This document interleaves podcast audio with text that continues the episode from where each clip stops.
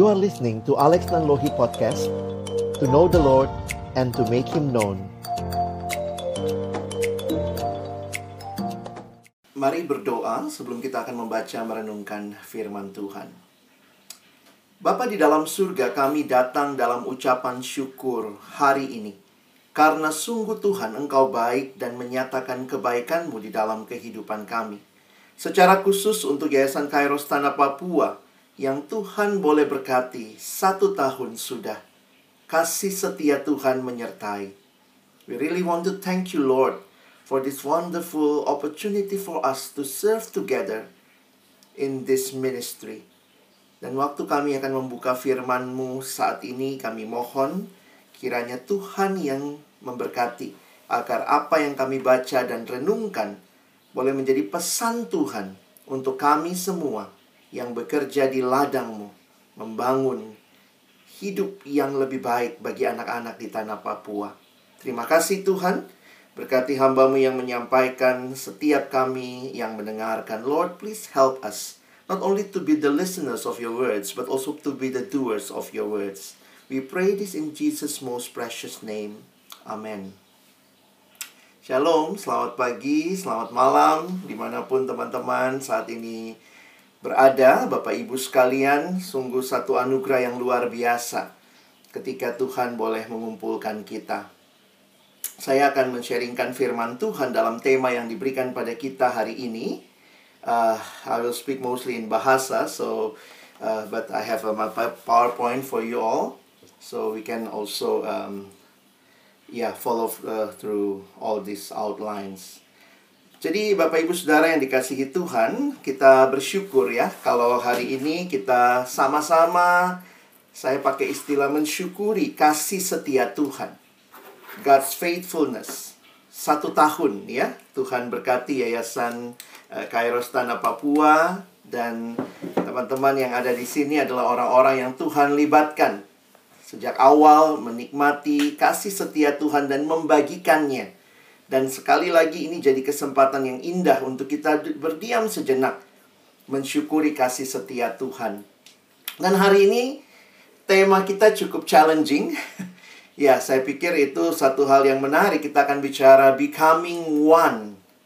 Jadi ini sebuah proses yang di dalamnya juga kita terus berdoa Tuhan yang menyatukan kita. Memahami tentang kesatuan, saya pikir itu satu hal yang tidak terlepas dari natur manusia. Kalau kita ingat ketika Allah menciptakan manusia, Allah menciptakan kita sebagai manusia yang membutuhkan satu sama lain. This is uh, God's grand design for us as a hum as humanity.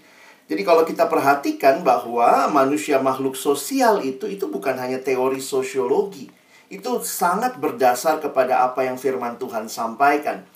Ketika Allah menciptakan, dia katakan semua baik, baik, baik, lalu sungguh amat baik.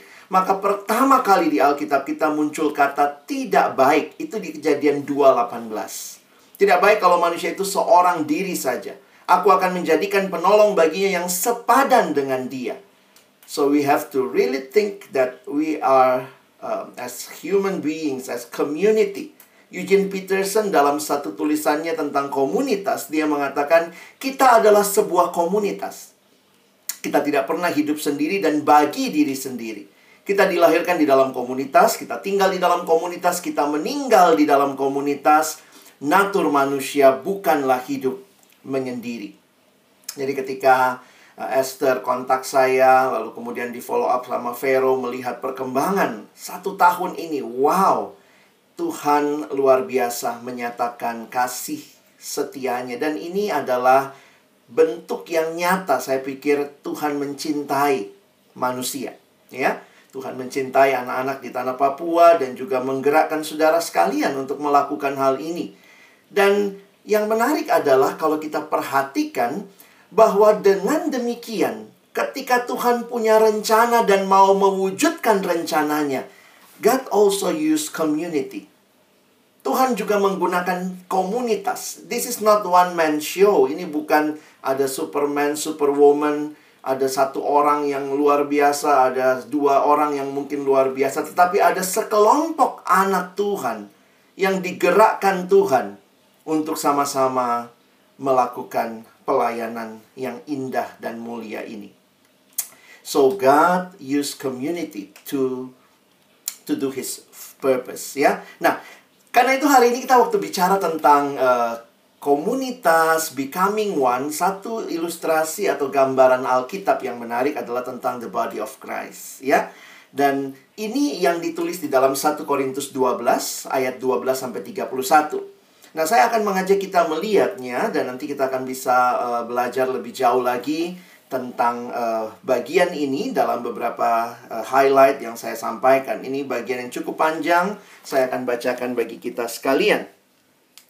Karena sama seperti tubuh itu, satu dan anggota-anggotanya banyak, dan segala anggota itu sekalipun banyak merupakan satu tubuh. Demikian pula Kristus.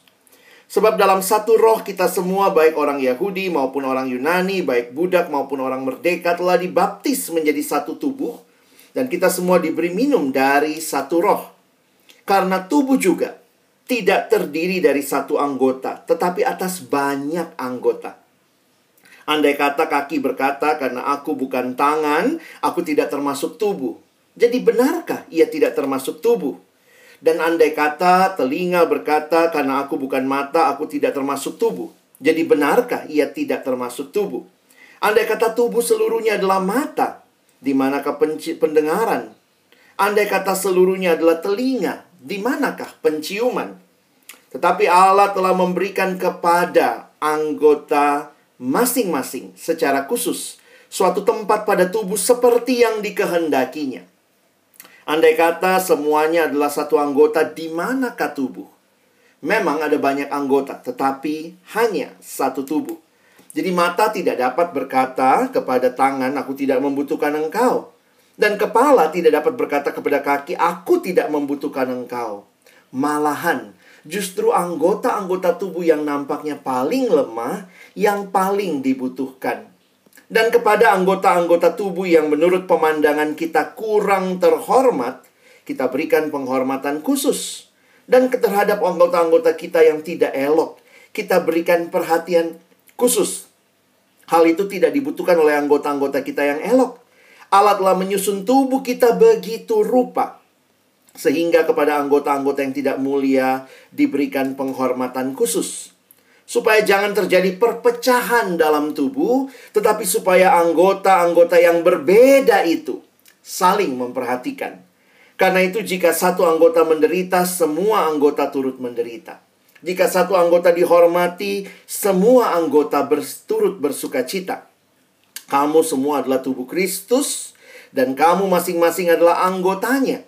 Dan Allah telah menetapkan beberapa orang dalam jemaat, pertama sebagai rasul, kedua sebagai nabi, ketiga sebagai pengajar. Selanjutnya mereka yang mendapat karunia untuk mengadakan mujizat, untuk menyembuhkan, untuk melayani, untuk memimpin, dan untuk berkata-kata dalam bahasa roh. Adakah mereka semua rasul atau nabi atau pengajar? Adakah mereka semua mendapat karunia untuk mengadakan mujizat atau untuk menyembuhkan atau untuk berkata-kata dalam bahasa roh atau untuk menafsirkan bahasa roh? Jadi, berusahalah untuk memperoleh karunia-karunia yang paling utama. Dan aku menunjukkan kepadamu jalan yang lebih utama lagi. Sedemikian jauh pembacaan firman Tuhan. Dan kiranya yang berbahagia bukan hanya kita yang membacanya, tetapi juga melakukannya dalam hidup kita dan bahkan membagikannya. Teman-teman, waktu saya terima uh, tema ini bagi saya ini sangat challenging karena saya pikir iya juga ya. Ketika sesuatu masih sangat sederhana, mungkin begitu kuat fellowship yang ada. Tetapi ketika sesuatu makin berkembang, maka saudara harus memikirkan organisasi. You have to organize more. Beda kalau kita mengelola warung, Lalu kemudian beda juga kalau sudah jadi, maaf saya pakai merek ya, uh, Indomaret. Lalu tiba-tiba jadi supermarket. Lalu kemudian jadi hypermarket dan seterusnya. Harus ada pengelolaan yang berbeda. Dan tentunya itu semua dalam proses. Tuhan sedang memproses kita. Dan di dalamnya kita sedang mengelola kasih setia Tuhan yang dinyatakan bagi kita. Semua yang ada di sini, baik uh, pengurus di yayasan, baik mereka yang ada di lapangan maupun juga anak-anak, seluruh donors, ini menjadi bagian yang kemudian perlu kita sama-sama melihat tujuan yang sama, melihat apa yang kita miliki bersama untuk menjadi bagian yang kita kontribusikan bagi pekerjaan pelayanan Tuhan. Dan challenge yang besar dalam sebuah perkembangan itu bukan dari luar, tapi mostly dari dalam. Nah, karena itu saya pikir wow, ini jadi satu reminder, a good reminder for us ya, sejak awal bahwa kita bicara ada hal-hal yang perlu sama-sama kita lihat prinsip firman Tuhan untuk becoming one. Nah, saya akan angkat tiga hal hari ini untuk kita, untuk kita bisa lihat bagaimana kita memelihara kesatuan, memperjuangkan kesatuan. Karena makin banyak kepala, makin banyak ide, makin merasa semua ingin yang baik, tetapi juga realitanya kita juga masih punya egoisme, kita juga masih punya um, our own interest ya yang saya pikir kita mesti terus memurnikan diri di hadapan Tuhan. So, how can we become one ya? Di dalam bagian ini menarik sekali Paulus menggunakan ilustrasi yang organik, tubuh ya. Saya pikir banyak sekali ilustrasi tentang kesatuan. Sekarang ada lagunya kalau di Indonesia itu anak-anak nyanyi ya. Kau temanku, ku temanmu, kita selalu bersama seperti mentega sama roti katanya ya.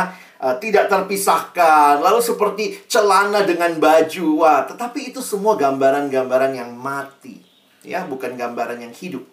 Tetapi Alkitab memberikan gambaran kesatuan, ada banyak gambaran kesatuan, tapi hari ini saya memilih tubuh ini, the body of Christ as one. Maka lihat outline yang saya coba share bagi teman-teman sekalian. Maka pertama kita harus menyadari ada perbedaan dan menerima perbedaan. Tapi kemudian kita perlu menyikapi perbedaan dan terakhir nanti kita perlu melihat berbagai-bagai karunia Nah, mari kita lihat yang pertama ya. Jadi bagaimana menerima perbedaan? Nanti kita baca lagi ayatnya kan cukup panjang tadi. Ayat 12 sampai 14 secara khusus ya. Kita diingatkan bahwa ya satu tubuh anggotanya banyak. Ya, kita bisa lihat di ayat-ayat tadi ya. Sebenarnya bukan cuma 12 sampai 14, tetapi kalau teman-teman baca saya tuliskan juga referensi dalam ayat-ayat yang lain. Perhatikan cara Paulus menulis. Ayat 12 misalnya, satu, tapi anggotanya banyak. Lalu dia bilang lagi, satu tubuh. Ya, jadi terus diulang. Ayat 14, satu anggota atas banyak anggota. Ayat 17, masalah perbedaan tubuh seluruhnya adalah mata. Mana, mana mungkin seperti itu ya. 19 ditekankan, ada banyak anggota. Jadi kita nggak bisa melakukan uh, apa ya kita semua satu lalu kemudian melupakan bahwa ada banyak anggota. Sehingga kesimpulan yang menarik di ayat 27, kamu semua adalah tubuh Kristus. Dan kamu masing-masing adalah anggotanya. Sehingga kita harus ingat dipersatukan di dalam Kristus ketika dikatakan sebab di dalam satu roh kita semua Baik orang Yahudi, orang Yunani, baik budak, orang merdeka telah dibaptis menjadi satu tubuh dan kita semua diberi minum dari satu roh. Ini menunjukkan bahwa sumber dari semuanya ini adalah Allah sendiri. For in one spirit we are all baptized into one body. So we are all one. Tetapi kemudian kita diingatkan bahwa kesatuan di dalam Kristus itu bukanlah keseragaman tetapi ini adalah keberagaman. Nah, teman-teman harus ingat ya, kita memilih bentuk yayasan untuk me me mewujudkan visi kita karena di Indonesia harus ada bentuknya. Maka yayasan ada semua bagiannya. Memang di dalam yayasan secara tidak langsung karena kami juga perkantas di Indonesia memilih bentuknya yayasan ya. Eh, kadang-kadang kalau pikir-pikir ya sebenarnya yayasan itu kan kesannya nanti ada yang di atas ya. Ada yang namanya pembina lalu nanti ada pengawas ada yang bagian uh, organik jadi memang secara struktural pemerintah hukum ya kita memilih bentuk yang hierarki. But actually kita harusnya melihat kita sebagai sebuah kesatuan yang satu sama lain sedang melayani di dalam keberagamannya Nah, ini yang kita harus ingat. Ya, buat kami di perkantas juga terus ya diingatkan bahwa ingat ini bukan bos kamu dalam pengertian bos dalam arti uh, dia yang kemudian uh, akan memaksa kamu melakukan tetapi ketika misalnya uh, bagian yayasan teman-teman pengurus di yayasan meminta pertanggungjawaban yaitu adalah bagian dari kesatuan yang harus dipahami ketika ada evaluasi yang dilakukan itu bukan kemudian uh, wah ini ini dia tahunya cuma di atas nggak turun ke lapangan. Jadi kadang-kadang itu menjadi tension yang tidak mudah. Sehingga kalau kita tidak dengan hati-hati menyikapinya kita bisa jadi melihat wah karena dia pengurus. Oh karena dia orang lapangan karena dia staff yang ada di sana. Sehingga kita perlu mengingat kita adalah satu di dalam Tuhan di dalam keberagaman itu oke. Lalu bagaimana menyikapi perbedaan? Karena ya pada saat kita bilang memang kita berbeda tapi satu, so how can we uh, apa ya? How should be our attitude towards uh, the the the differences among us? Apa yang perlu teman-teman? Nah ternyata di dalam bagian ini Paulus itu sudah membaca ya bahwa di dalam jemaat mungkin terjadi dua hal ini. Maka perhatikan cara Paulus menjelaskan bahwa pertama mungkin muncul sikap minder. Wah, lalu kaki ngomong begini, andai karena aku bukan tangan, aku nggak termasuk tubuh. Jadi ini self pity banget ya. Dan ini Paulus pakai kata-kata uh, yang menarik gitu ya, karena aku bukan tangan, karena aku bukan mata. Jadi ini cara kita biasanya waktu menyikapi perbedaan, apalagi kalau kita udah kalah set, di rapat nggak didengerin gitu ya di pertemuan kayaknya idenya berbeda. Ya memang ya saya bukan inilah. Uh, aku mah apa tuh kata orang Indonesia ya. Jadi teman-teman uh, this is all the potential that can happen in our ministry. Ya. Tetapi ingat baik-baik. Itu bukan demikian seharusnya. Jadi sikap minder bukan sikap yang seharusnya muncul ya. Baik karena perbedaan karena pertemuan yang di mana kita menyepakati sementara mungkin ada yang suara minoritas ya tidak mungkin semua dipuaskan ya kita harus memilih. Dan ingat semua kita mau yang terbaik. Cuma mungkin bagaimana mengekspresikannya setiap orang mungkin akan berbeda. Jadi bisa muncul sikap minder ya. Tetapi di sisi lain Paulus juga ingatkan Bapak Ibu sekalian bisa jadi sikap sombong jadi mata tidak dapat berkata kepada tangan, aku tidak membutuhkan engkau. Wah, Paulus sangat luar biasa. Kenapa gambaran tubuh ini saya suka? Karena tidak ada yang namanya, misalnya gini, kalau mata pergi sendiri, kita bilangnya apa tuh? Ya mata aja. Tetapi kalau kita bicara tubuh, maka mata tidak bisa berkata cuman saya. Nah, ini cara Paulus menjelaskan dan memilih ilustrasi sangat tepat. Mata tidak bisa berkata aku tidak membutuhkan engkau, kaki tidak dapat Kepala tidak dapat berkata, e, berkata kepada kaki, aku tidak membutuhkan engkau. Lalu bagaimana sikap yang seharusnya? Nah, ini yang harus kita bangun, teman-teman sekalian, dalam kaitan becoming one. Sadari, ini semua adalah Allah yang memberikan, sehingga kita tidak menjadi orang-orang yang jealous dengan apa yang diberikan Allah kepada orang lain. Coba saya staff di lapangan. Wah, pasti saya akan begini-begini ya. Yang staff di lapangan, coba kalau saya pengurus yayasan, saya akan begini-begini begini ya. Ya udah nikmatilah bahwa kita satu sama lain punya tempat yang Tuhan kasih. Karena ada tempat yang Tuhan kasih, maka lihat lagi apa sebaliknya yang seharusnya yang kita bangun, yaitu saling memperhatikan. Jangan cuma melihat pokoknya yang penting saya sudah kelar begitu ya Belajarlah untuk saling memperhatikan. Harus ada ruang-ruang perjumpaan yang kita ciptakan untuk bukan hanya bicara satu sama lain program, tetapi juga untuk sambung rasa satu sama lain. Saling memperhatikan. Karena Paulus bilang, karena jika satu tubuh, satu anggota menderita, semua anggota turut menderita. Jika satu anggota dihormati, semua anggota bersuka cita. Dan ini yang menarik sebagian yang terakhir adalah Tuhan kasih berbagai karunia. Nah, ini yang harusnya kita lihat juga ya. Memang pentingnya di dalam di dalam uh, kita pakai manajemen ya bahwa the right man on the right place ya karena memang karunia pun berbeda-beda. Jadi untuk kita menghayati kesatuan, hayati juga karunia yang Tuhan berikan. Dikatakan Allah yang telah menetapkan dalam jemaat, ada yang jadi rasul, ada yang jadi nabi, ada yang jadi pengajar.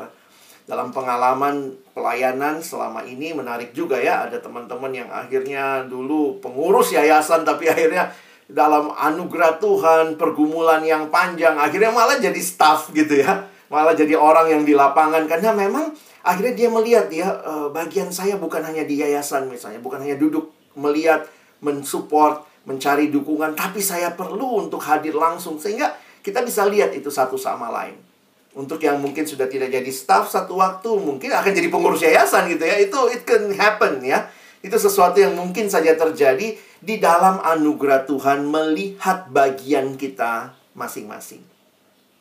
Tapi apa yang menarik teman-teman ketika Paulus sudah bicara semua ini? Di ayat 31, dia menutup dengan kalimat begini. Jadi berusahalah untuk memperoleh karunia-karunia yang paling utama. Jadi Paulus nggak bilang nggak boleh karunia. Jadi maksudnya Paulus justru berkata, terus cari karunia yang paling utama. Tetapi dia bilang begini, dan aku akan menunjukkan kepadamu jalan yang lebih utama lagi. Wow, sudah bicara karunia, tapi ternyata ada yang lebih utama dari itu. Nah, di sinilah kemudian dia masuk 1 Korintus 13. Jadi ini ayat terakhir di 1 Korintus 12. 1 Korintus 12 ayat 31. Lalu dia masuk ke dalam 1 Korintus 13 inilah jalan yang lebih utama lagi. Sejak awal Allah mencipta tadi ya, tidak baik manusia itu seorang diri sudah tersirat dengan jelas Allah menghendaki manusia saling mengasihi. John Stott, pendeta, mengatakan sebagaimana ikan dibuat untuk air, umat manusia dibuat untuk kasih, untuk mengasihi Allah dan sesama kita. Sehingga teman-teman yang dikasihi Tuhan ternyata, nah ini refleksi bagi saya juga waktu persiapannya. Kalau pelayanan itu bikin kita konflik, tidak saling mengasihi, something wrong. Kalau pelayanan itu membuat kita jadi tidak merasa satu-satu hati lagi, Nah, ini yang perlu kita waspadai ya. Saya berharap di di satu tahun ini ya kita mulai untuk terus ingat ya kenapa juga dipilih tema ini. Saya pikir ya untuk untuk mengingatkan kita akan potensi-potensi yang perlu kita waspadai dalam rangka terus menjadi satu melayani Tuhan di tanah Papua. Bagaimana mengusahakan kasih? Karena begini teman-teman ya, mau punya karunia sebanyak apa kalau nggak ada kasih, kata Paulus ngapain? Gitu ya. Ngapain itu semua? Lihat cara Paulus berkata-kata ya di ayat yang pertama. Sekalipun aku dapat berkata-kata dengan semua bahasa manusia dan bahasa malaikat. Jadi Paulus bukan bilang cuman sekedar bisa bahasa roh. Paulus bilang sekalipun aku bisa semua bahasa, bahasa malaikat, bahasa manusia, sebutin deh bahasa apa aja. Tapi kalau nggak punya kasih, aku sama dengan gong yang berkumenang dan canang yang gemerincing. Saya jadi mikir-mikir gitu ya, apa sih yang penting ya? Penting sih punya karunia tentunya ya, punya skill. Sekarang punya bapak ibu guru mungkin yang dari apa ya jenjang S1, S2, wah luar biasa. Kita sudah punya semua itu, teman-teman yang menyerahkan diri menjadi guru. Tetapi ingat bahwa jauh lebih utama lagi kita harus terus diingatkan akan kasih ini. Kasih itu apa? Ketika ada perbedaan, ya belajarlah ya, sabar, murah hati. Jadi gampang sih ya, punya karunia sih gampang, semua punya karunia. Tetapi yang sulitnya ini kasihnya itu ya. Bagaimana kita sabar. Kalau yang satu mungkin terlalu menyolok, dia minta maaf, ya dia sadar dia salah, ya kita belajar mengampuni.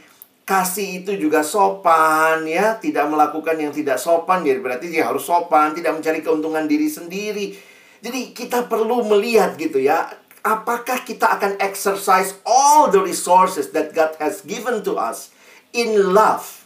Because if not, then it's all nothing. Teman-teman, yang sulit ini kasih ini ya. Dan memang kasih itu ada yang bilang sebenarnya bahasa Indonesia itu paling gampang menjelaskan kasih. Kalah deh bahasa Inggris ya. Bahasa Indonesia itu paling gampang menjelaskan kasih. Apa itu kasih? Kasih, ya kasih. Ya. Kasih itu kasih.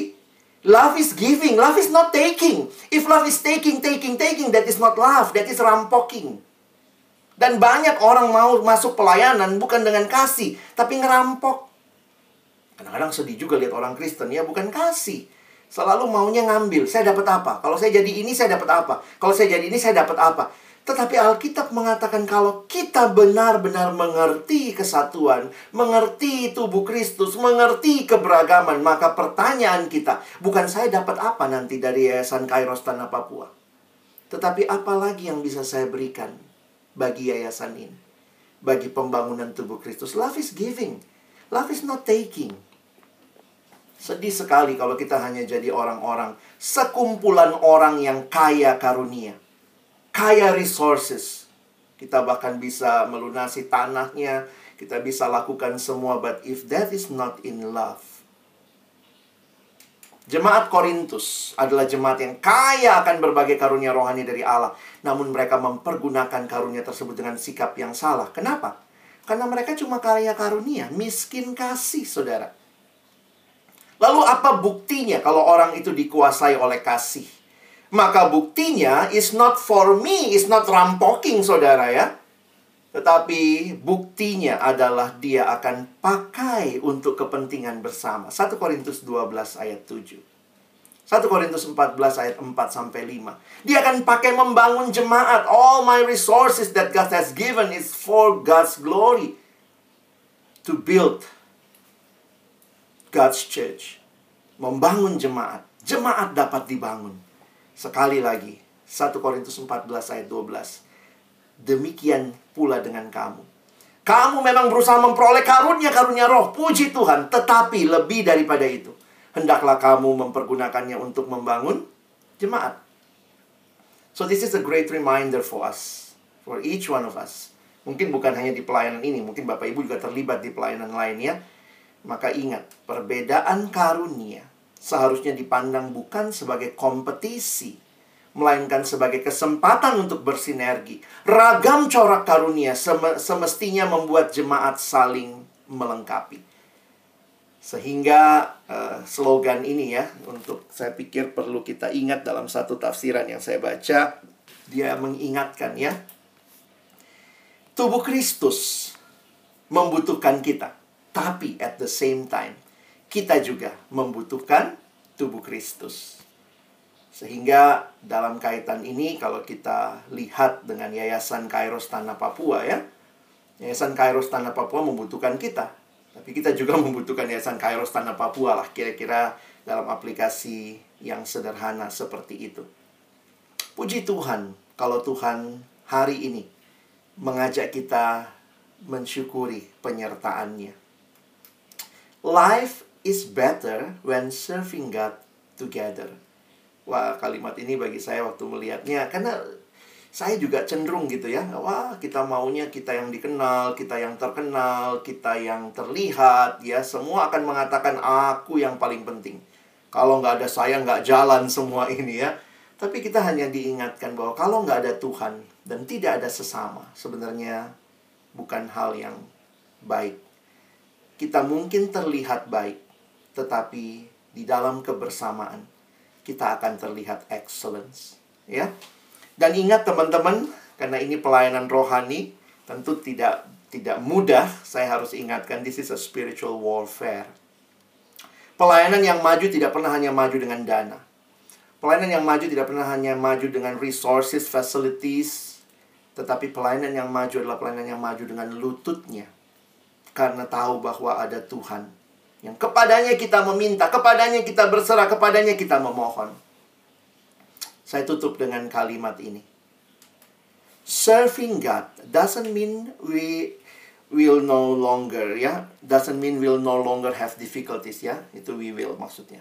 We are still on the battlefield, but we don't fight alone. We have our dear friends with us and our Almighty God for sure. Selamat ulang tahun yang pertama Yayasan Kairos Tanah Papua. Selamat melayani sahabat-sahabat. Ingatlah becoming one in love. Amen. Let us pray. Father God, we thank you again for this wonderful opportunity to listen to your words. And we pray as we continue this ministry uh, Kairos Tanah Papua, you will bless each one of us and help us to become one in love in Christ. We pray this in Jesus' most precious name. Amen.